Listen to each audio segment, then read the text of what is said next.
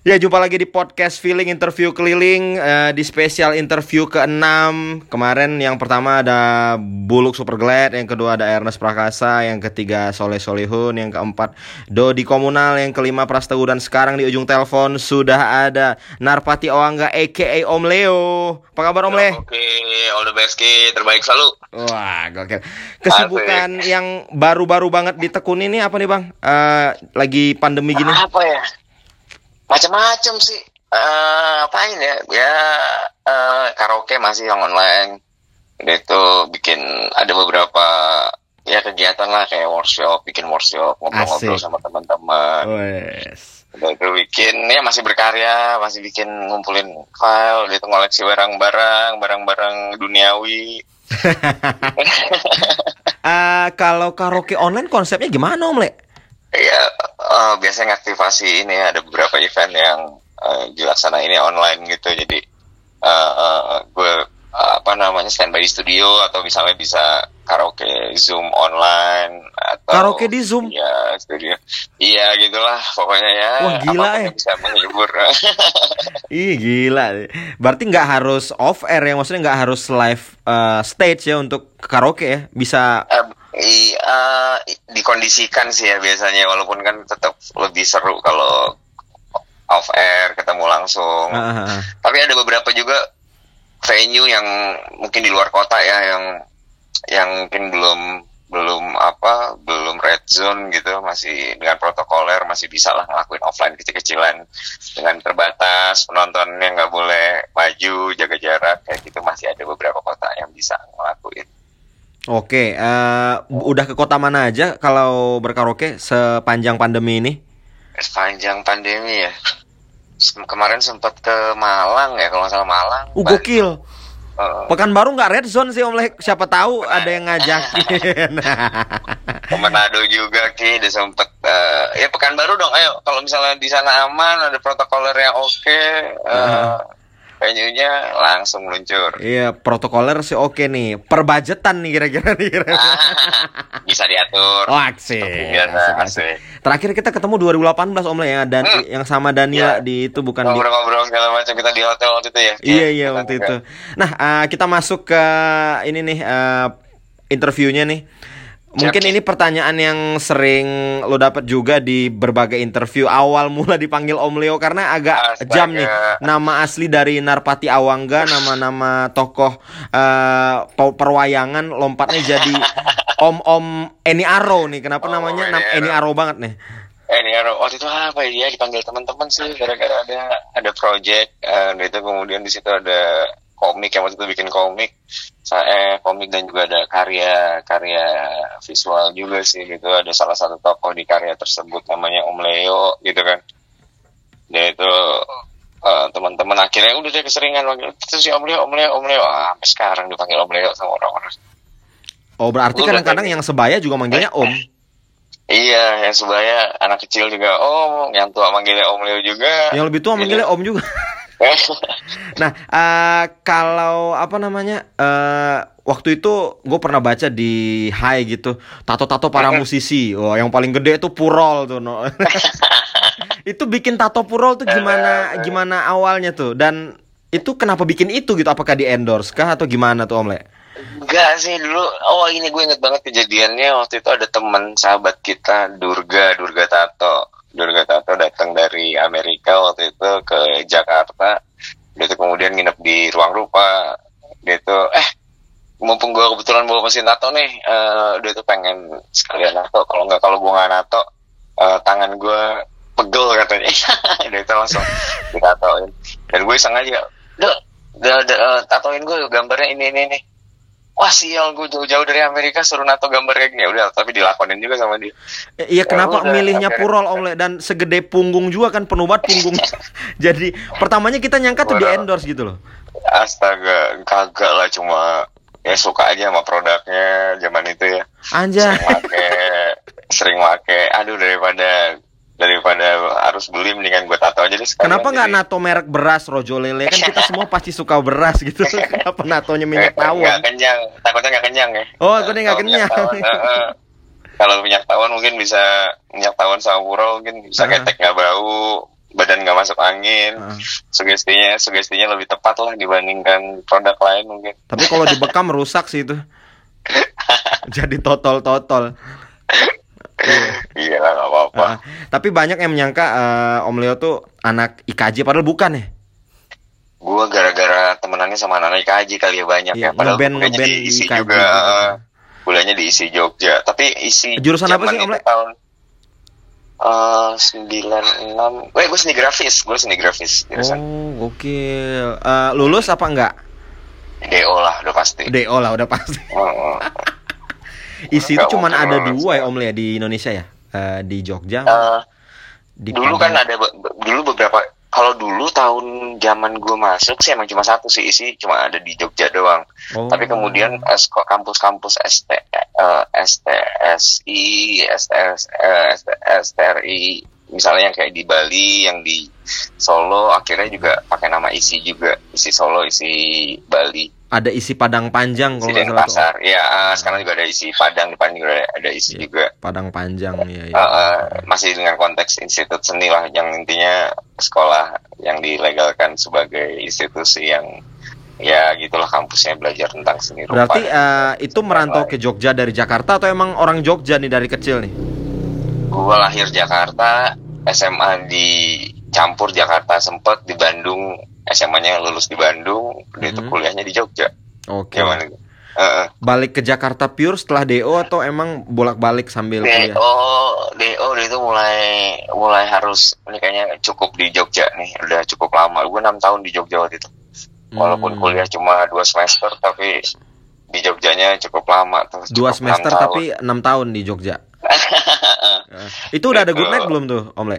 belum Good Night itu 2004 pas gue udah balik ke Jakarta ketemu sama teman-teman ruang rupa ya udah di ruang rupa ketemu beragam jenis makhluk hidup lah di situ Ah, ah, salah ah, ah. satunya eh, salah satunya ya ketemu Henry Foundation ada Bondi Good Boy akhirnya Hmm. bikin Good Night waktu itu Nah, kita ke berkaraoke Iya, dulu nih. Katanya berkaraoke itu kan lebih dulu ya daripada GE ya. Iya sih Kenapa sih bikin sih. berkaraoke dan gimana tanggapan orang-orang di awal-awal Om Le bikin karaoke nih? karaoke kalau dulu awalnya banget pertama kali eh biasanya kalau opening pameran di ruang rupa kan ada ada pameran dan segala macam ada hiburan kan biasanya Mm-mm. entah band entah mungkin eh, ada yang ada yang performance ada apa nah suatu saat ya bikin apa ya yang beda bikin karaoke akhirnya gue kebetulan punya punya engine-nya di komputer eh, waktu itu zaman masih MIDI ya tahun 2003 akhir 2004 awal itu kalau nggak salah. Hmm. Eh, akhirnya ada software gue coba dapetin software yang bisa karaoke lagu-lagu MIDI gitu. Eh, liriknya juga bisa diganti Eh, ya lucu-lucuan aja lah zaman itu. Akhirnya kebawa sampai beberapa event juga akhirnya bikin karaoke juga Mm-mm. udah akhirnya bisa dengan sampai dibawa ke klub juga bikin karaoke di klub Itu mulai mengindustri kapan tuh Om Le? Dari awalnya cuman pergerakan eh, iseng-iseng doang buat acara internal kampus sampai akhirnya mengindustri ke acara brand, ke acara apa itu gimana tuh? Eh, apa ya Milestone-nya. ada sih dulu orang-orang cuma iseng-iseng doang kan main di klub wah seru tuh seru tuh karaoke akhirnya dibawa ke klub yang lain pindah ke klub lain pindah ke venue lain acara kawinan juga sempet acara ulang tahun anak kecil sempet Nah, yang menarik ada tuh Om Le di Instagram lo Om Le yang yang ulang Ah. tahun kakek-kakek umur 70 bukan ada Om Le berkaraoke. itu gila banget. Itu acara apa sih? ya kayak gitulah banyak yang ya pasti kan mereka pengen nostalgia pengen Oh, nyanyiin lagu Itu di, di Jakarta apa di mana acaranya? di Jakarta di Jakarta di bokapnya temen tuh waktu itu ada Oh, gokil ulang tahun ke-70 Om Le. Iya, itu dia pengen karaokean ya udah sikat Ya, Tapi emang eh, konteksnya ya bersenang-senang ya saat itu. Orang-orang kalau kalau karaoke kan ya kayak gitu kan. Ada beberapa yang tahu lagunya tapi nggak apa liriknya. Oke. dengan dengan karaoke sangat mudah gitu difasilitasi mereka asik. Oke, untuk bernyanyi. oke. Ah, tapi eh, pengalaman atau job berkaraoke paling absurd nih, Eh, entah di acara apa nih nggak kepikiran di sini ada karaoke. Atau job paling jauh deh di mana untuk Iya. yang berkaraoke. Kalau yang job paling jauh itu acaranya Kemenpar pariwisata ya di Labuan Bajo mereka pengen karaoke di kapal pesiar gitu di Oh, tengah anjir. kapal pesiar Ngeri, udah ngeri, ngeri, tamu-tamunya oh, oh, di tengah laut gitu karaoke Ah. di tengah laut lah itu Ah. pernah Eh, paling itu, jauh sih di Labuan Bajo sih dulu itu di atas kapal yang lagi berlayar. Iya, eh, mereka pengen eh, apa namanya promosi wisata di Labuan Bajo, udah itu promosi hiburan salah satunya lo bisa karaoke party di atas uh, kapal gitu. Oh, itu yang paling jauh ya. Tapi kalau yang paling paling absurd Om. Le, Yang paling acara apa gitu? Kayak ulang tahun perusahaan atau ulang tahun Iya iya. apa gitu? Gue pernah uh, gathering perusahaan asuransi pernah uh, acara kementerian uh, waktu itu ada Kementerian Badan Ekonomi Kreatif tuh Heeh. Ibu Mari Elka Oh, pengen mereka pengen hiburannya ya. uh, uh, uh, zaman uh, Backcraft zaman tahun 2000 berapa itu 2016 atau 2015 gue lupa. Uh, mereka bikin mereka bikin hari kartini uh, karaoke lagu-lagu Indonesia penyanyi penyanyi cewek gitu itu salah satunya ya itu, itu pernah juga acara partai juga pernah Wah, asik. acara asuransi juga pernah ya macam-macam lah macam absurd absurd sih lucu-lucu sih karaoke itu. Oh, iya iya iya. Berarti nih eh, karaoke itu ini banget ya ngelibas eh, media banget ya maksudnya media acara outdoor, indoor bisa masuk ya. Eh, banyak yang itu sih ya waktu itu kondisinya kan orang belum tahu cara mengaktifasi karaoke dengan format eh, dengan format venue kan. Biasanya kan selalu ada di ruang intim tuh karaoke ya sendirian di rumah Heeh, gitu. Nah, kalau nggak ya family karaoke di tempat-tempat family karaoke.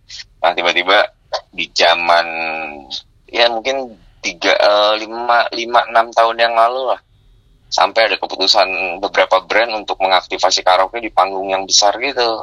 Ya itu awal mulanya sih mungkin di 5 5 6 tahun yang lalu ya mulai manggung di atas uh, stage gede gitu.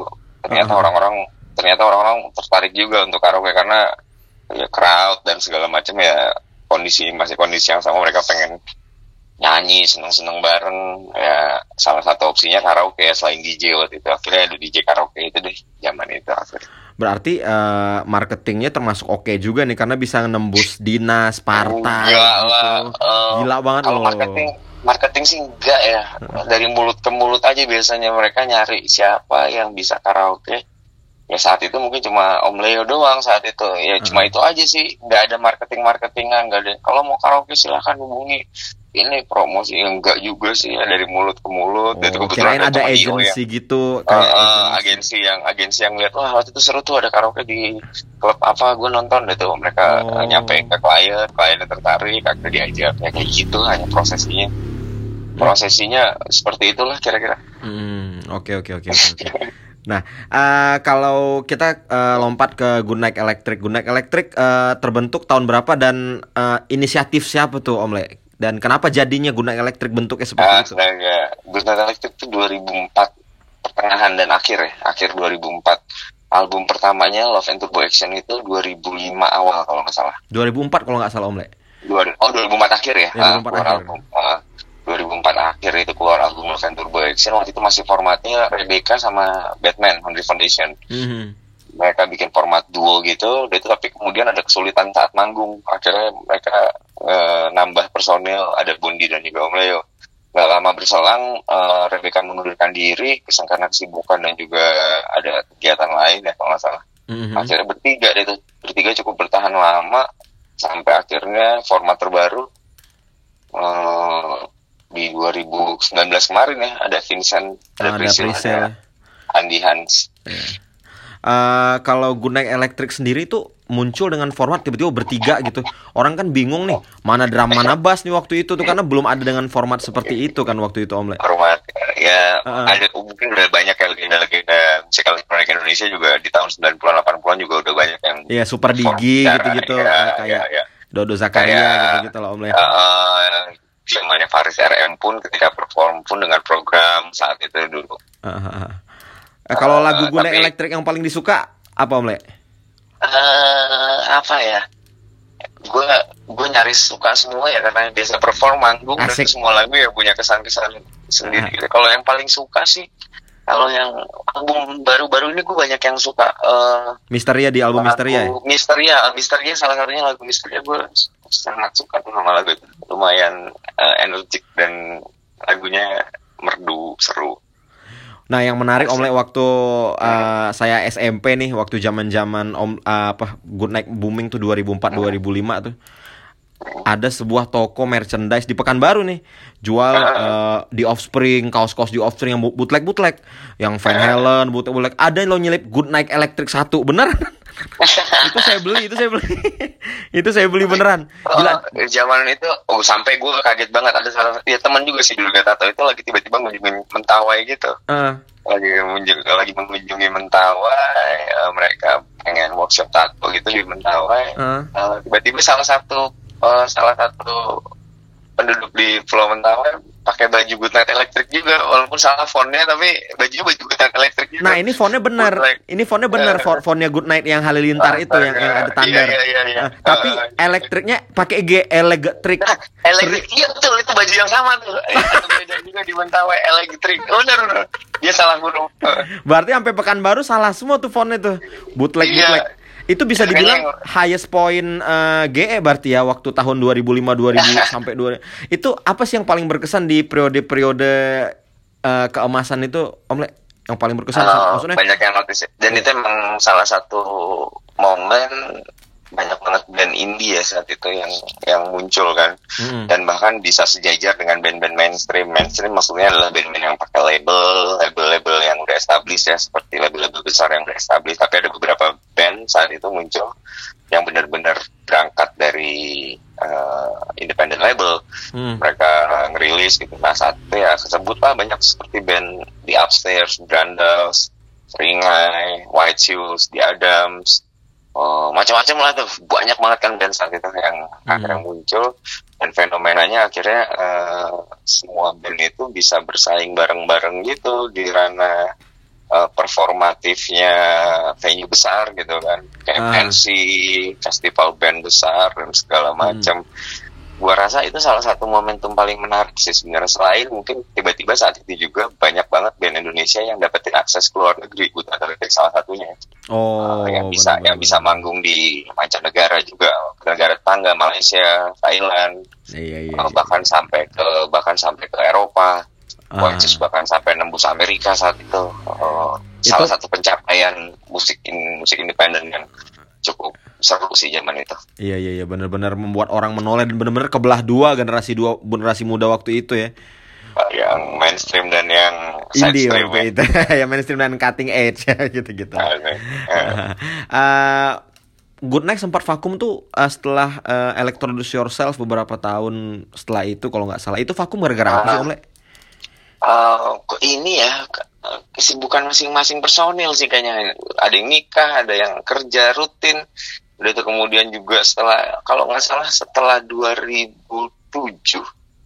khususnya 2008 dan selanjutnya 2008 sampai 2000 mungkin sampai 2012 ya ada satu kondisi nggak banyak eh, penyelenggaraan pensi ya anak-anak sekolah kalau nggak salah waktu itu dapat larangan untuk menggelar acara apresiasi seni di eh, luar sekolah jadi nggak bisa manggung besar dan segala macam. Di situ Oh, mungkin oke, mulai oke, mulai turun dan eh, juga mulai munculnya banyak banget stasiun TV yang akhirnya eh, eh, apa namanya me- mengambil mengambil situasi ya dalam arti em, setiap pagi ada acara-acara musik yang pagi Aha. dan segala macam. Akhirnya makin banyak lagi band yang bermunculan dan kemudian eh, positioningnya eh, ketika masa lebih memilih satu jenis genre musik tertentu dan itulah yang jadi arus utama. Akhirnya mungkin saat itu banyak banget band yang akhirnya eh, ya udah eh, cooling down dulu walaupun nggak bubar tapi seperti mungkin menyiapkan apa ngelihat s- eh, suatu saat dan eh, ngelihat suatu masa nanti suatu saat pasti akan akan muncul lagi dan segala macam kan. Sampai akhirnya gue yakin di tahun 2013 2014 lah mulai muncul event-event eh, grand eh, untuk mulai lagi eh, pergerakan-pergerakan baru di ranah side stream. Band-band seperti misalnya eh, Danila, Jason Ranti 2015 2014 ya Ya udah mulai, mulai, itu. muncul uh, mulai muncul dan itu ada juga bara suara Mm-mm. ada lagi oh ada banyak deh kemudian ada itu gelombang keduanya ada Fist ada segala macam yang akhirnya makin mengukuhkan bahwa musik seperti ini yang jauh lebih jauh lebih efektif untuk ditampilkan di sebuah venue ya venue-nya brand-brand tersebut Karena juga waktu mulai 2014 itu kalau nggak salah eh, udah mulai smartphone yang ini ya eh, Android dan iPhone. Om Le. Jadi iya, betul. ak- ak- 2000, betul. Uh, Uh, jadi kayak ada yang- ada suara yang- digital ada tuh yang- suara the real the real suara masyarakat kan. Ah, ya, ya, Eh, ya. jadi emang Itu juga anak-anak yang yang-. Anak-anak yang emang suka side stream akan mendengarkan side stream yang sukanya main akhirnya ke ke bagi emang emang kelihatan pasarnya kalau yang side stream juga ada marketnya nih makanya mungkin uh, beberapa brand dan beberapa uh, corporate gede akhirnya membidik pasar ini karena kelihatan engagementnya di sosial media kan mungkin Ya, sepakat. Nah, dan itu juga soal persoalan engagement dan aktivasi mereka dalam bentuk eh, penyelenggaraan acara. Gue pikir eh, itu salah satu syarat mutlak ya ketika lo tiba-tiba memiliki sebuah eh, sebuah segmentasi pasar tertentu terhadap sebuah produk Eh, dan perwakilannya kan harus eh, harus ini ya harus berdampingan ya dengan yang biasanya terjadi kalau nggak visual dalam bentuk ilustrasi ataupun gambar atau video atau misalnya video atau iklan dan segala macam secara visual maupun dalam bentuk audio musik. Nah yang musik eh, sangat ini sama teman-teman yang side stream ini banyak banget musik-musik mereka yang akhirnya bisa berjalan berbarengan dengan eh, pergerakan sebuah brand yang lebih memilih untuk nggak sama dengan eh, brand lain gitu kan. Aha benar. Mereka milih yang berbeda eh, karena nggak pengen juga ada di jalur yang sama gitu. Akhirnya mereka mengaktifasi band-band inilah kalau gue pikir momentumnya tuh saat itu Nah, eh, akhirnya kembali eh, masing-masing sekarang kalau di era sekarang berarti semuanya ada pasarnya berarti Om Le ya, yang Hmm, yang sepakat. emang mau eh, TikTokan, musik-musik TikTok ada nih, yang mau cutting edge ada nih, gitu-gitu. Sepakat sepakat Sepakat ya. Nah, eh, mungkin ini pertanyaan banyak orang juga nih. Kenapa di album Misteria tiba-tiba GE jadi berenam ada Hans Priscil sama Vincent? Apakah di album berikutnya akan jadi sembilan terus nambah mulu setiap nambah album gitu akhirnya Good Night jadi Enggak satu sih. geng gitu jadi ramai banget. Apa gimana tuh? Kenapa tiba-tiba bertambah? Eh, eh, ya si Batman sering eh, sering menjelaskan emang karena kondisinya saat itu yang benar-benar kebetulan banget sih butuh butuh ngisi ada isian bass gitu Mhm. kebetulan ada Vincent yang lagi ada di kosan juga waktu itu di studio Mm-mm. eh, sering main ke situ akhirnya bikin part bass line dari Vincent lalu kemudian nggak tanpa diduga ya udah akhirnya Vincent rutin eh, ikut perform juga sampai akhirnya ya udah lu ikutan aja. Dan Vincent juga saat itu lagi eh, lagi apa namanya eh, lagi getol-getolnya bermusik Eh, dan ya udah sekalian aja masuk. Dan itu Hans juga yang ngisi part gitar juga akhirnya jadi korban yang sama. Ah. ikut-ikutan diculik jadi personil. Ta- apalagi Priscil yang jelas-jelas ngisi ngisi vokal di salah satu lagu. Dia dua lagu pertama tuh VCR dan Ah. Erotica tuh eh, dia juga ngisi part vokal kan di sana Priscil. Ya udah deh akhirnya semuanya jadi jadi ya, eh, udah otomatis aja ya udah jadi personil dan kemudian ya seperti yang kita tahu sekarang personil jadi enam orang sekarang. Tapi eh, emang udah ada rencana masukin elemen shoegaze dan eh, semacamnya? Atau ketika Hans masuk baru berubah itu semua? kalau gue pikir sih emang konsepnya album ini lebih ke arah sana ya. Batman lebih Batman yang ngompos kan eh, apa namanya pak eh, part dasarnya semua komposisi musiknya di album Misteria. Memang Batman eh, yang eh, apa ya yang eh, yang memprakarsai istilahnya penciptaan album ini so yang dipikirin sama Batman ya itu melibatkan beberapa teman tadi untuk memberikan nuansa musik yang sesuai dengan uh, capability dan juga apa namanya selera mereka ya. Hmm. Pakai Hans juga gara-gara suara apa git- uh, permainan gitar kan cocok dengan album ini. Vincent juga gitu, Priscil apalagi uh, benar-benar dibutuhin kontribusinya di album ini dan akhirnya uh, terlibatlah mereka semua. Iya iya. Gokil. Yang terbaru lagunya tamat Pak. Om ya. Hmm, Wah, Amat ya. Lagunya Priscil tuh, Priscil banget. sedih banget lagunya. Eh, pas SMA Om Le, Om Le termasuk eh, anak yang gimana sih? Apakah sportholic, apakah aktivis, ataukah nerd atau atau cuek-cuek aja atau nongkrong doang? Apa gimana? nongkrong. Komplit ya zaman itu kalau gue pikir di generasi yang sama era 90-an teman-teman itu nyaris memiliki pola yang sama. Khususnya buat teman-teman yang ini ya, yang seru-seru ya teman-teman yang seru tuh. Ya itu mereka punya bi- biasanya ada benang merah. Kalau nggak mereka suka musik mereka doyan main basket atau main bola atau olahraga. Mereka doyan nongkrong mereka doyan mabok mereka doyan acong-acongan ke party mereka kadang-kadang jadi anak motor mereka kadang-kadang jadi eh, anak mobil mereka hobi ke diskotik dan segala macam itu terjadi semua di masa itu dan biasanya uh, anak apa namanya uh, samplingnya anak gaul di salah satu sekolah itu biasanya harus ada di uh, salah satu divisi dari tadi yang gue sebutin. Ah, nah, Omlet termasuk di golongan yang mana nih? Gue di golongan yang nongkrong iya, ngeband iya, main basket iya, uh, party juga iya. Rohis iya juga jangan-jangan nih. Enggak, enggak, enggak. Dulu pas era itu malah mungkin yang anak-anak rohis yang paling yang paling ter ini kali ya, tersudutkan saat itu karena uh, uh, termarginalkan ya, gitu lah ya. Uh, iya, termarginalkan saat itu mereka karena yang lebih nguasain panggung ya itu ya kayak misalkan banyak banget persyaratan seperti acara bazar, uh, pentas seni sekolah gitu dan segala macam. Berarti lu termasuk orang ya. yang uh, ngebaur banget ya om lintas ekosistem lah ya. uh, semaksimal mungkin lah harus dilakukan karena saat itu kan lu memilih memilih apa yang gue suka ya apa yang bakal merepresentasikan gue sebagai seorang misalnya anak SMA yang sesuai dengan apa yang gue mau gitu kan dan musik uh, nongkrong itu ya salah satu budaya dan saat itu juga muncul kultur-kultur baru juga kan ada MTV udah ah. itu ada cutting edge uh, cutting edge yang yang era 90-an itu ada genre musik-musik uh, musik-musik tertentu yang cocok sesuai sama kita seperti alternatif sempat mainin musik pop. lain nggak Om Le? Selain elektronik atau new wave? ya, iyalah pasti uh, pasti banget. Apa punk rock atau fusion jazz atau gimana? Ya, itu masih zamannya alternatif rock ya biasanya ngebawain ya grunge-grungean oh, alternatif rock semacam uh, Radiohead dan segala oh. macam lah Oasis Blur oh uh, Nirvana. Nirvana di dalam cinta gerunge-gerungean lah yang paling okay. paling menguasai saat itu paling menguasai sih uh, main main apa? Oh, main gitar apa vokal apa? Kadang gitar kadang vokal kadang bass apa aja lah. Asal nggak ngedrum aja gue nggak bisa main drum soalnya oke oke oke oke tapi uh, lu termasuk orang yang mendewakan proses atau orientasinya hasil aja yang penting hasilnya maksimal nih prosesnya mah uh, nantilah gitu. Nah itu dia perbedaan yang kids now sama kids yang old.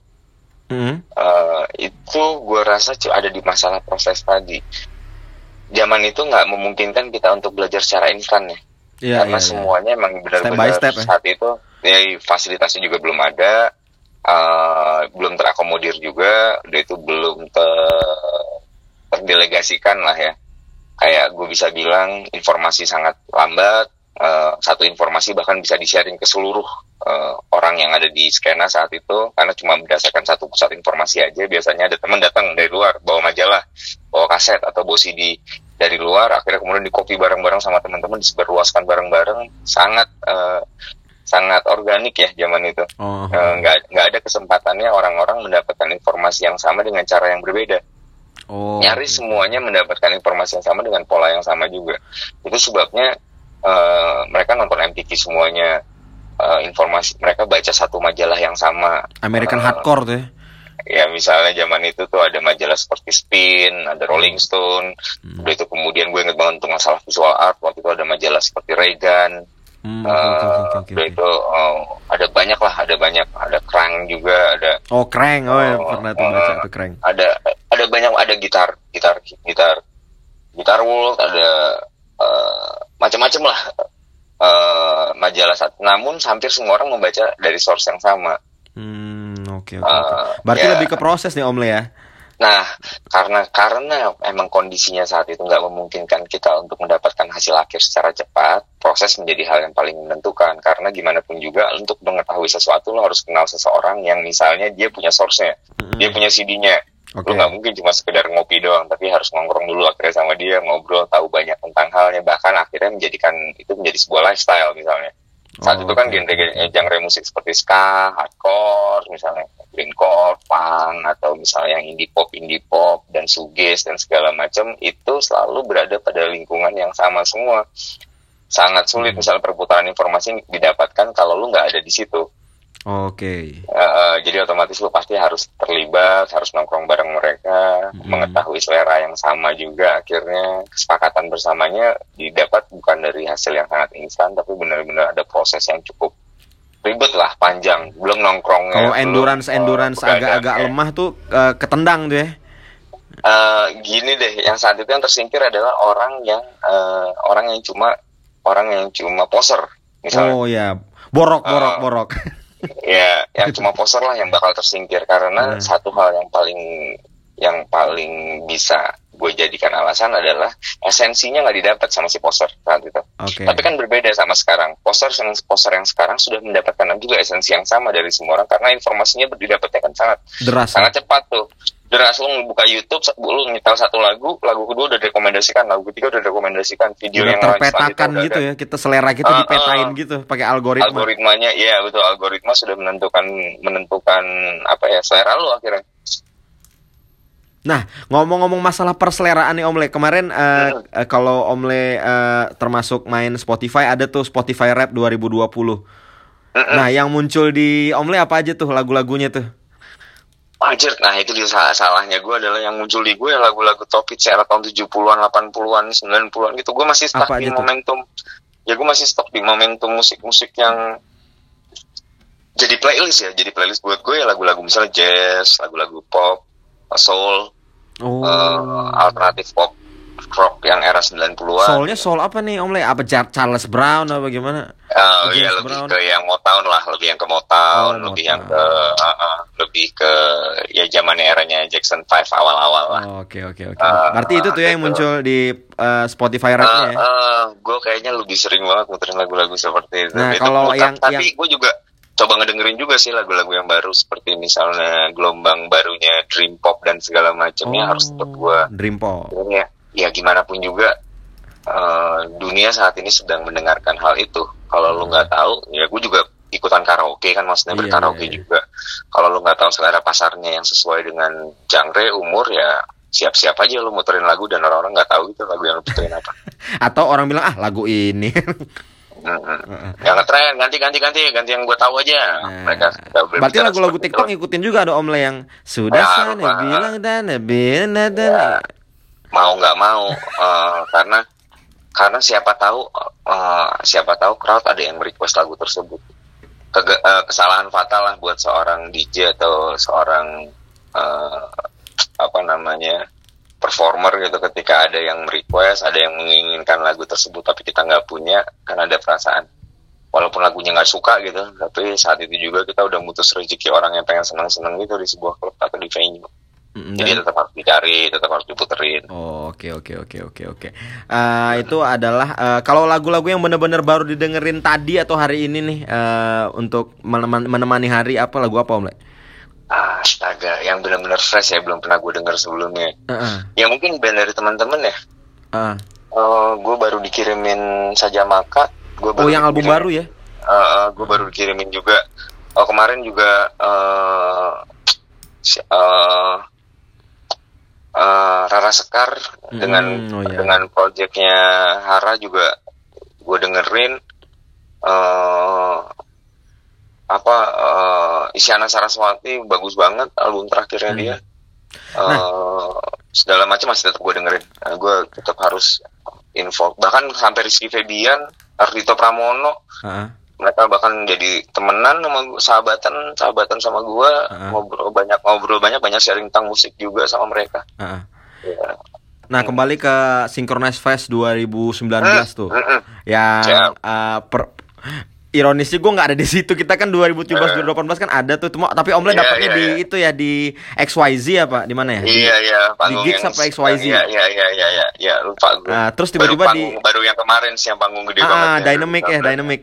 Heeh. Nah itu yang ngajak kerjasama punya ide kerjasama sama ST12, eh, Kangen Hmm. Band, Smash dan lain-lain itu itu ide si sinkronisnya atau Om Le sendiri nih yang nge-propose nih, ini gua ada ini nih konsepnya begini Ah. aja apa gimana? Enggak, enggak. Itu synchronize semua. Synchronize yang bikin. Gue mungkin eh, tercetus ya, tapi nggak pernah membayangkan kalau mereka mau merealisasikan. Ya, akhirnya direalisasikan sama synchronize.